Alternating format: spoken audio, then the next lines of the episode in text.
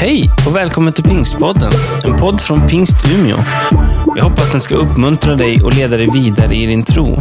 För att få mer information om Pingst Umeå och allt som händer i kyrkan, gå in på umia.pingst.se eller följ oss på Instagram och Facebook, at pingstumia. Hej! Oj, vad kul att se er. Eh, det gick ju bra från början, tekniken här. Jag ska ju viska och allihop hörde. Men nu ska jag höras ett tag. Så nu kommer de få stå ut med mig en liten stund här. Eh, fantastiskt vittnesbörd, vill jag bara säga. Vi ska inte behöva egentligen predikan efter det där. Eh, jag ska bara snabbt börja med att berätta vem jag är så slipper ni sitta och grubbla över det. Jag heter ju Ronny Hedman. 53 år, även om man kan tro det. 63, så kan jag säga. Nej, men, eh, gift med Annika sedan 90, tre barn, tre pojkar. Sebastian 27, Kristoffer 25 och Andreas 17. Jag tittade på frun så hon nickade så det, det stämde. Eh, kommer från Skellefteå från början. Så Roland, nu du. Eh, nej, temat var ju så här. Vad vill du Jesus ska göra för dig? Och jag är ju Skelleftebo, ja, så jag kommer direkt förstöra temat, eller på att säga. Jag kommer att berätta vad Jesus har gjort för mig. Eh, precis som vi fick höra här så kommer jag också inte från ett kristen, kristet hem. Och jag kommer, ni kommer få höra en liten resa i mitt liv. Nu blir det rundgång här. Som sagt, jag eh, föddes i Skellefteå av eh, min mamma. Då. Och, eh, ja, det var mamma och pappa och jag hade inga syskon då. Jag var, det dröjde faktiskt 12 år innan jag fick en lillebror. En efterlängtad lillebror. Men så var det. Och jag hade en bra barndom måste jag säga, för mamma och pappa var väldigt eh, närvarande och de gjorde egentligen allt för mig. Har jag förstått i efterhand. Men alltså de, de, de, de fanns det för mig. Och eh, Skelleftebo, jag kommer att anspela lite grann till det som ni kanske hör. Jag tjatar mycket om Skellefteå. Men, eh, jag var ganska liten då jag började upptäcka att man kunde ha skridskor på fötterna. Och det, det, var ett, det varit en stor del av mitt liv när jag var liten. Att det här med idrotten och det var väldigt viktigt för mig. Men sen när jag blev lite större, började skolan, som jag då inte förstod egentligen varför jag skulle behöva göra. För det tog ju tid från det här roliga att vara på plan och så här, ishockeyplan och, eller att spela landhockey eller spela fotboll. Så livet var väl egentligen så där när man var liten att det var skola och sen var jag väl lite grann som Gunde Då. Jag, hade, jag var, tidigt hade jag lärt mig hur jag snabbt skulle ta mig hem. Så jag hade ställt sparken på ett strategiskt ställe så jag direkt ringde ut så då sprang jag iväg hem och på med skridskorna och så ut på skridskoplan som var bakom garaget. Och det, så var mitt liv och jag tyckte det var en bra barndom. Eh, sen när jag blev tonåring så hade jag kvar mitt idrottsintresse. Men det började komma lite mer intressen också. Jag upptäckte det här med att det fanns fritidsgård. Och det blev också viktigt för mig att få träffa kompisar där och så fritidsledarna och, och där fick man göra mycket roliga saker. Och det här var ju på, nu måste jag tänka efter, det måste ju vara på slutet på, slutet på 70 på fritidsgården. Ni som är 60-talister och kanske var på fritidsgården vet ju kanske också, det kanske var här i Umeå också. Då fanns det något som hette Våga stuffa. Och det var, det var häftigt tyckte jag. Det är en som nickar här. Att man skulle dansa. Både disco var man och dansade i rutiga byxor och sen, sen var det så här, gick man på fritidsgården och, och körde som vi kallade då pardans fick lära oss. Och det, det tyckte jag var så fruktansvärt roligt. Så jag höll på med det där. Så då, var, då förändrades livet lite grann. Det var ju skola. Och så hade den här äh, spontanidrotten som fortfarande var väldigt viktig, men nu var det ganska organiserat. Det var skola först, på träning. Och sen då det var som värst, då var det både onsdag, fredag och lördag kväll. Då var det dans. Och, och jag måste säga, jag trivdes med livet då. Det var kul. Och jag, jag var ganska nyfiken, nyfiken på livet. Och jag, egentligen allt vad som gick prova på.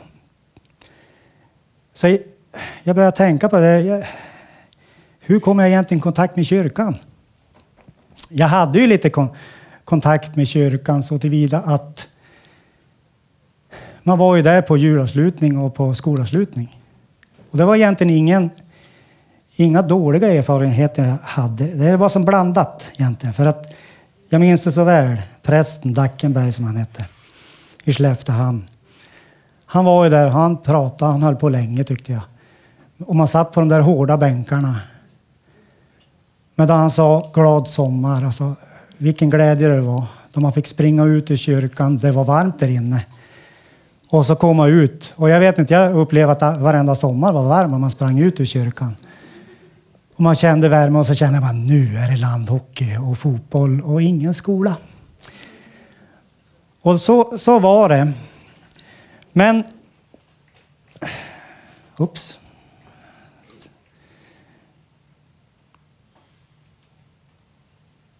Då var det så här att eh, man börjar vara i den här åldern. Eh, en del, jag vet inte som sagt det här med kyrkan, hur jag kom i kontakt med konfirmation. Men förmodligen var det så här att, för eh, jag nämnde ju den här prästen Dackenberg. Hans dotter gick i min klass. Och förmodligen så har någon suttit och pratat om att de ska konfirmeras och jag var ju nyfiken. Ja. Och jag tänkte, men vad är det som gör att de går in i den där byggnaden och står där inne och håller på? För, för mig var det där en... Eh, ja, jag fattade ingenting när man kunde vara ute och spela hockey eller fotboll och allting. Att gå in i kyrkan. För det var en främmande värld för mig.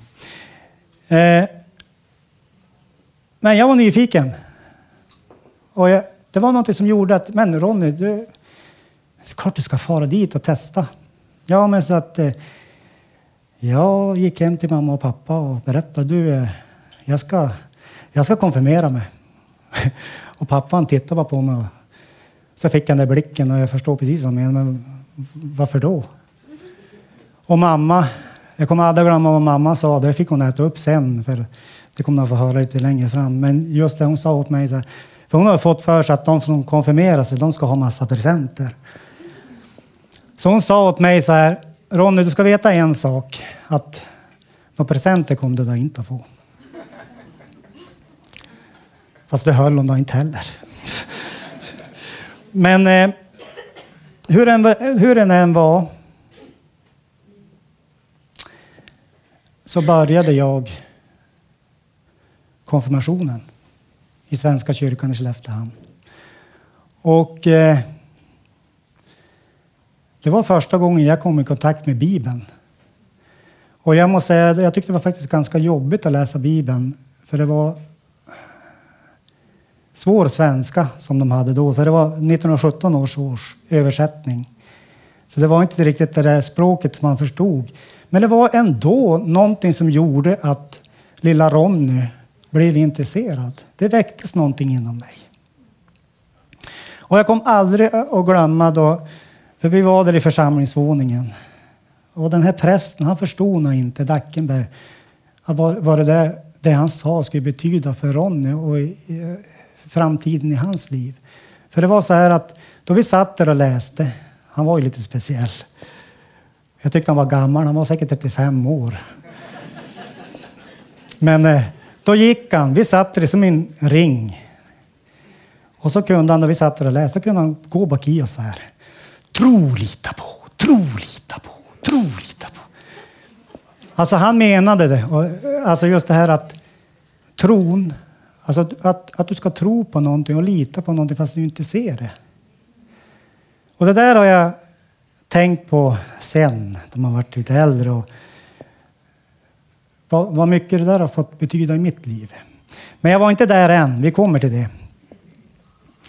Eh, och just det att jag fick ju läsa den här jobbiga boken och då fick jag för första gången komma i kontakt med det som är självklart för många som har gått i kyrkan. Det som står i Johannes 3.16. Där står så här. Så älskade Gud världen att han gav den sin enda son för att de som tror på honom inte ska gå under utan ha evigt liv.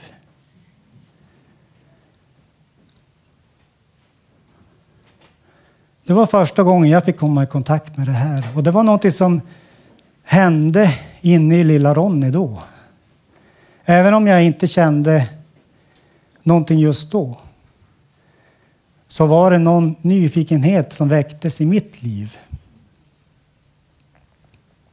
Och det var ju mycket annat. Jag fick ju höra om vad Jesus gjorde. Han gick omkring här och han gjorde under och, och mycket som hände. Mycket spännande. Eh. Men sen då jag hade konfirmerat mig så hade jag fått en procent av mamma då. Efter. Så fortsatte livet som vanligt. Jag fortsatte gå i skola, idrott, fritidsgård, dans. Men det var någonting som hade börjat hända i Ronny, även om jag inte visste det då. Så hade det växt en nyfikenhet i mig så att ibland då jag var på mitt rum så hade jag kvar den där svårlästa boken. Så kunde jag läsa från Bibeln i min ensamhet. Och jag trodde ju då att den här prästen, den här gamle prästen på 35 år, att det var den första kristna människan jag hade kommit i kontakt med. Men så var inte fallet. För det var så här, och det har jag fått berättat för mig. För att jag var ju mycket hos min mormor när jag var liten. Och mamma berättade för mig sen att mormor var kristen. Även om hon inte ja, mig veterligt så gick hon inte i kyrkan. Alltså, hon for inte iväg och sånt där. Men hon var krist, bekännande kristen. Och då, då har jag förstått i efterhand att mormor hon har bett för barnen och barnbarnen. Men hon dog då jag var typ 13 år. Så hon kom inte få se vad som skulle hända i våran släkt. Det, hennes böner, vilken betydelse det fick ha i våran släkt. Eh, för nu var det så här att jag har en moster som bodde då och en kusin som bodde i Obbola då på den tiden. Och det här var början på 80. Hans, eh, Hans och Astrid. Astrid var ju min moster och Jörgen var min kusin. Och de hade, då hade min moster och min kusin blivit kristna. Och det var så här att ja, de hade börjat tillhöra Pingstkyrkan och i, och i utposten då, Holmsund. Ja, och mamma hade en väldigt nära relation till, till eh, Astrid. Då. Och Astrid var frimodig, som man kan vara då man är nyfrälst också. Då kan man bubbla och vilja ha att fler ska få se det här. Så de hade bjudit dit mamma och pappa på ett möte i Obbola då. I en gammal lokal, Elim, och då var det så här att nu, nu hade det börjat hända grejer i mig. Nyfikenheten, nyfikenheten var ju väckt där, även om tiden har gått. Så jag sa till mamma, jag ska med. Sagt och gjort, vi for iväg, det var dåligt väder. Jag tror att det var en annan dag jul. Vi åkte till Obbola och vi kommer dit. Och då jag kom in i denna gamla skruttiga byggnad så kände jag en sån enorm kärlek. Alltså, känslan, alltså, det går som inte förklara det jag kände när jag kom in där. Och det var precis som att bitarna föll på plats. Det som hade, jag förstår ju nu i efterhand, det som hade börjat hända i mitt liv på konfirmationen, det hade börjat falla på plats nu. Så då Roland Nilsson som var verksam där då, predikade så kände jag, du Roland, du pratar ju till mig. Så att då han frågade, som de gjorde ofta på den tiden, på slutet på mötet, är det någon som vill bli frälst? Flög handen upp på mig. Och jag kände bara en sån glädje. Alltså det, det går som inte förklara. Jag var som ett litet barn som Alltså denna glädje, värme och så kände jag att jag skulle vilja skrika ut till alla att nu, nu är jag ett Guds barn. Och just det här jag kände, den här tryggheten att ja, men, jag fattade ju plötsligt vad jag hade suttit och läst och vad prästen hade pratat om. Det bara tjup, föll på plats för mig. Ja, jag vart ju glad. Och efter mötet då, jag satt ju inte med mamma och pappa utan jag satt på ungdomsbänken då längre bak. De satt ju på de äldres plats. Så skulle jag fram till dem och berätta att jag har blivit frälst. Och då tittade bara pappa och mamma på mig. Vet du Ronny, det har vi också. Alltså, fattar ni det? Den glädje jag kände då. Och egentligen, jag vart också så här, oh, vad är det som händer? Pappa och mamma ska ju inte vara frälst inte. Men så var det. På något sätt har Gud verkat i deras liv också. Och jag berättade ju att mormor var troende, har bett för oss. Hon fick inte se det här hända. Men tänk att vi som familj då, då hade jag en lillebror också, men han var så liten då. Lille Jens. Att vi fick tillsammans börja en vandring med Jesus. Helt fantastiskt. Eh, men nu var det så här. Det är nu det egentligen börjar. För att då jag går ut, jag är jätteglad och jag känner att livet leker. Så är det precis, där kom, jag hinner bara komma ut ur Elim och ska sätta mig i bilen för att åka till min, till min kusin och moster då, som bodde i Obbola. Vi åkte bil. Vi var slö redan på den tiden. Så var det precis som att jag fick ett slag i huvudet. Och allting blev svart.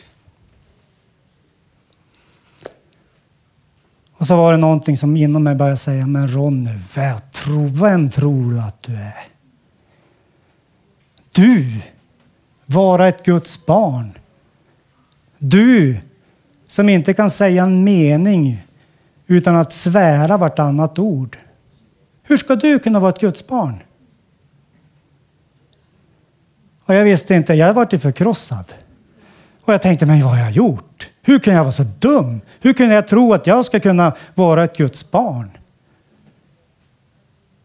Men vi åkte till moster och, och min kusin då, Jörgen, han några år äldre än mig.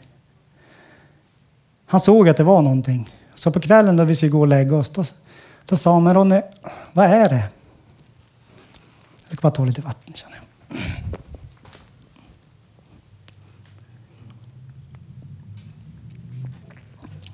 Ronny, vad är det? Och då fick jag berätta för honom precis vad jag kände. Att det här att hur ska jag kunna leva som kristen då jag är som jag är? Och det var jättejobbigt för mig, för lille Ronny där. Vet ni vad Jörgen sa? Du, vi ska be för det. Eller vi ska be. Och då fick jag än en gång knäppa mina händer och säga till Jesus, du ser precis hur jag, hur det är. Och jag vill. Jag ville ju leva med honom, men jag kände att det här är omöjligt. Det är nu det häftiga händer. För från den stunden, då jag vaknade på morgonen efter och hela, alltså alla år efter det har jag inte tagit en svordom över mina läppar. Jag har inte känt någon längtan att måste använda de orden. Utan Gud, vad gjorde Gud? Jo, han gjorde ett under i lille Ronnys liv. För han såg precis vad jag behövde i min situation för att kunna vara en kristen.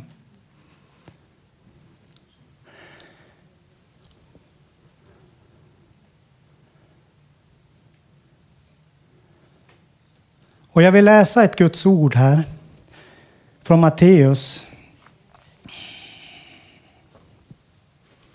11 och 28. Och det står så här. Kom till mig, alla ni som är tyngda av bördor. Jag ska skänka er vila. Ta på er mitt ok och lär av mig, som har ett milt och ödmjukt hjärta, så skall ni finna vila för er själ. Mitt ok är skonsamt och min börda är lätt.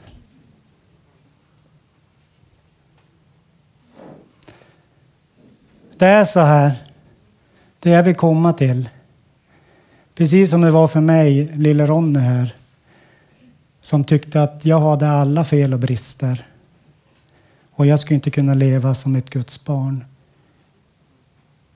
Så kan jag det, och jag har gjort det.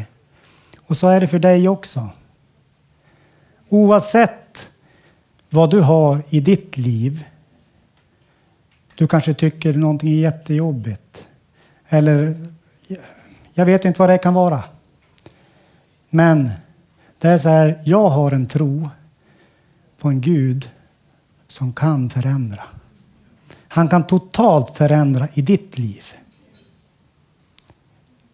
Och det handlar om att det är du som måste vilja och säga ja till Jesus. Så kommer det att ske en förändring. Så är det. Vi ska vi ska ge tillfälle nu här på slutet också. Eh, det kommer att finnas tillfälle att få förbön. Där nere i hörnet kommer det att finnas och det kommer att finnas människor där som kan lyssna och be för dig. Och jag vill bara uppmuntra dig att göra precis som prästen sa. Tro, lita på. Tro, lita på. Våga testa tron. Vad har du att förlora?